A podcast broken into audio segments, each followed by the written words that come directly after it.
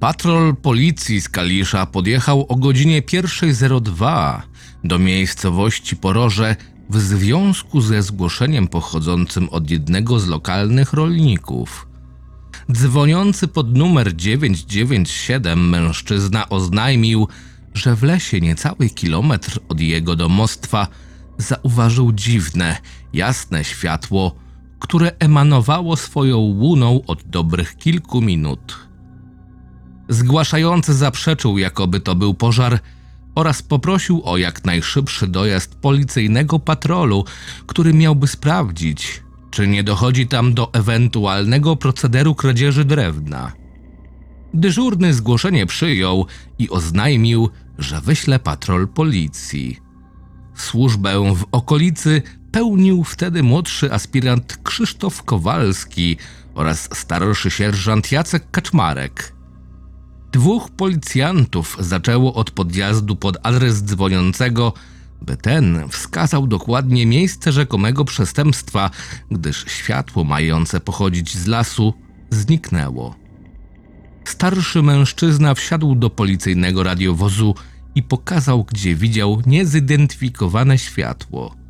Radiowóz podjechał w kierunku pobliskiego lasu i z relacji świadka wynika, że owe światło zapaliło się na nowo, kiedy zbliżyli się na odległość około 100 metrów. Policjanci zatrzymali radiowóz, po czym nie gasząc go, starszy sierżant Kaczmarek wyszedł w kierunku światła, pozostając w łączności ze swym przełożonym. Zegar pokazywał godzinę 1.09, kiedy policjant zniknął w lesie. Od tamtego momentu nie było z nim kontaktu zwrotnego, mimo że aspirant Kowalski wywoływał go kilkakrotnie przez krótkofalówkę nasobną. Po dziesięciu minutach młodszy aspirant Kowalski zgłosił sytuację do dyżurnego w dyspozytorni, po czym zostawił świadka w radiowozie i samemu udał się w kierunku niezidentyfikowanego światła. Po nim ślad również zaginął.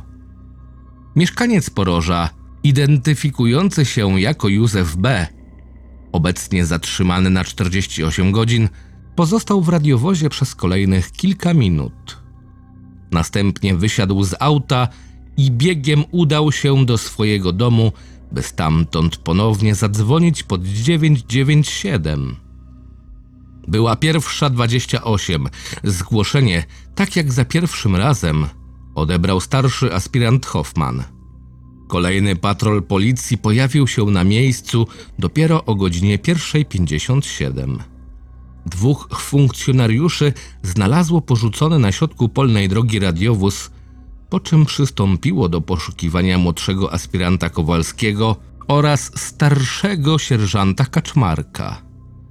Wstępne poszukiwania zaginionych policjantów zakończyły się fiaskiem, ale ponowiono je po pół godzinie wraz z grupą ochotniczej straży pożarnej oraz wysłanych dodatkowo dwóch patroli policji. Następnego dnia do akcji poszukiwawczej włączyły się oddziały Wojska Polskiego, a także ochotnicy z rodzin zaginionych. Po dwóch dniach Józef B. został wypuszczony z aresztu i nie postawiono mu zarzutów w sprawie. Od zaginięcia policjantów minęły dwa dni. Poszukiwania wciąż trwają. Dziennikarz miejscowej gazety zainteresował się szczególnie sprawą zaginięcia policjantów i robiąc wywiad środowiskowy wśród mieszkańców Poroża i okolicznych wsi, zebrał wystarczająco dużo informacji, aby napisać własny, dziesięciostronicowy artykuł. Zawarł w nim wydarzenia felernej nocy z perspektywy ludzi, mających coś do powiedzenia na ten temat. Kilka osób z sąsiednich domostw, którzy mieli widok na owe miejsce zaginięcia policjantów, zgodnie przyznało, że również dostrzegli oni dziwne światło, które, według wielu, biło jasno z lasu niczym lampa, tak, że noc zamieniła się niemal w dzień. W pierwszej chwili myślałam, że coś się pali, powiedziała jedna ze starszych mieszkanek Poroża, która tamtej nocy nie mogła zmrużyć oka. Ale potem stary podszedł bliżej i powiedział, że to się światła jakieś palą i wrócił. Potem jeszcze to się świeciło jakiś czas i w końcu znikło. Całą noc prawie nie mogłam spać i nie wiem dlaczego. Może przez to światło, nie wiem. Inny mieszkaniec Poroża podejrzewa po prostu złodziei drewna, ale nie potrafi wytłumaczyć, co stało się z samymi policjantami. Może jeden i drugi dostał w łeb i zakopali skurwysyny, kto to wie? Skomentował pan Stanisław, rencista i rolnik, posiadacz kilkunastu hektarów ziemi w okolicy. Chodzą również głosy, jakoby Józef B. miał bezpośredni związek z zaginięciem policjantów, ale nikt oficjalnie nie rzuca oskarżeń. Wszyscy sąsiedzi zgodnie jednak stwierdzają, że mężczyzna ten od dawna ma problem z alkoholem, a po śmierci żony od tego czasu mieszka całkiem sam, unika kontaktu z ludźmi. W policyjnych aktach można też znaleźć dwie notatki służbowe dotyczące Józefa B., a bliżej jego rzekomego znęcania się nad zwierzętami domowymi. Nic mu jednak nigdy nie udowodniono. Zachodzi proste pytanie, czy ten człowiek był zdolny do jakiejkolwiek zbrodni. Tego nikt jasno określić nie potrafi lub nie chce. Ciekawym jest również to, że młody uczeń liceum mieszkający we wsi oddalonej zaledwie o 4 kilometry wolał pozostać anonimowy, zajmujący się hobbystycznie oglądaniem nocnego nieba przez lunetę, zauważył osobliwe światła nad okolicznymi lasami. To zjawisko wydało mu się niezwykle dziwne i tajemnicze, tym bardziej, że owe światła, jak to określił, wisiały bez ruchu przez kilka minut tuż nad linią lasu. Potem po prostu zgasły, wyparowały. Nigdy wcześniej czegoś takiego nie widział.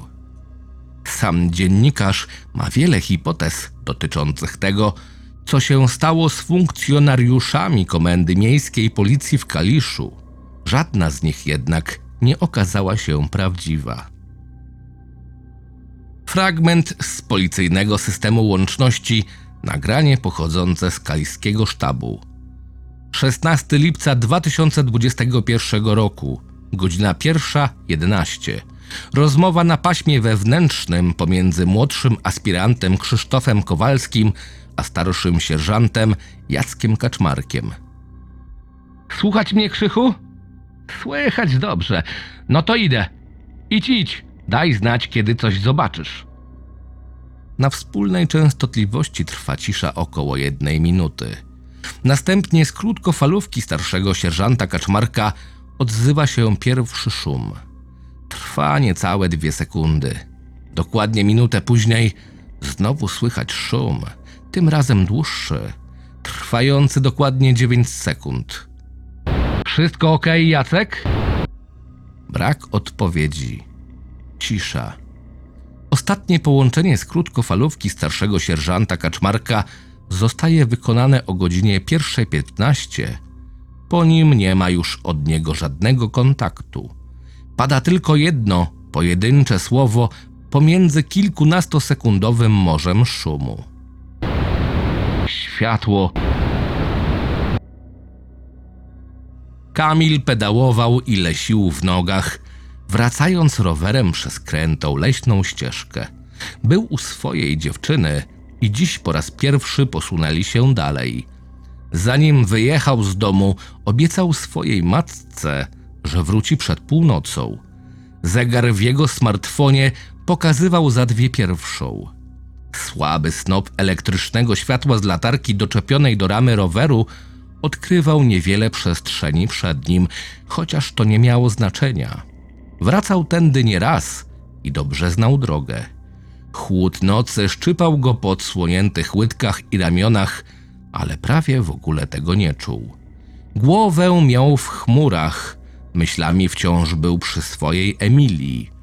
W pewnej chwili jednak nocne niebo zrobiło się jaśniejsze i sekundę później jego uwagę przykuło dziwne światło, które rozpostarło się wysoko nad jego głową. Las zrobił się zupełnie widoczny. Noc w jednej chwili ustąpiła dniu. Kamil zatrzymał się, zszedł z rowera. Błysnęło i trwało to moment. Nieznane światło zniknęło tak szybko, jak się pojawiło. Nie miał pojęcia, co to mogło być i nie zastanawiał się nad tym. Pojechał dalej. Kiedy z piaszczystej drogi skierował się na asfalt, nadjeżdżające auto okazało się być radiowozem. Kamil nie miał na sobie odblaskowej kamizelki i na moment serce podskoczyło mu do gardła. Policja minęła go jednak obojętnie i skręciła na drogę prowadzącą do domostwa stojącego w samym szczerym polu. Jechali do pana Józefa, pomyślał Kamil. Pewnie znowu się upił i ktoś zgłosił go na policję. Kiedy ruszył już asfaltem i ujechał kilka dobrych metrów, z oddali ujrzał dziwne światło w środku lasu. Od razu pomyślał o tamtym, które minęło go wcześniej. Zobaczył też później, że radiowóz jedzie w kierunku tych świateł z włączonym sygnalizatorem, tym migającym na niebiesko. Chłopak odwrócił głowę i pojechał przed siebie do domu. W nocy, już w łóżku, śniło mu się to dziwne światło. Śniło mu się, że rażące słońce zagląda do jego okna. Kiedy się obudził, w pokoju było ciemno. Nie zasnął już jednak do samego rana. W ogólnopolskich mediach wrze postęp w sprawie dwójki zaginionych funkcjonariuszy. Czwartego dnia poszukiwań, tuż nad ranem, znaleziono pod jednym z drzew poukładane w kostkę mundury dwóch policjantów pełniących służbę owej nocy 16 lipca. Ich ubrania wraz z osobistymi dokumentami znaleziono 100 metrów od porzuconego radiowozu. Odpowiednie służby zajęły się całą sprawą, zabezpieczając znalezisko jako materiał dowodowy. Hipotez jest wiele, ale wybija się jedna główna. Pełniący wtedy służbę funkcjonariusze musieli wpaść na grupę kłusowników. Los policjantów nadal nie jest znany, ale przewiduje się najgorsze. Odnalezione rzeczy zaginionych wysłano już do laboratorium w Poznaniu, gdzie przejdą szczegółowe badania. Jest duża szansa, że pomogą one wprowadzić sprawę na właściwe tory i rozwiązać zagadkę zaginionych policjantów. Tajemnicą pozostaje, dlaczego na ślad ten natrafiono dopiero po tak długim czasie. Minęły cztery miesiące. Sprawa przycichła umarła śmiercią naturalną. Dwóch policjantów zostało honorowo pochowanych jako ci, którzy zginęli za ojczyznę na służbie. Mnożą się teorie. Napisano i wydano nawet reportaż o całej tej sprawie pod tytułem Co się stało między pierwszą dziewięć a pierwszą dwadzieścia osiem. Wspomnienia Kamila też tam się znalazły. Chłopak opisał wszystko, wszystko dokładnie jak pamięta.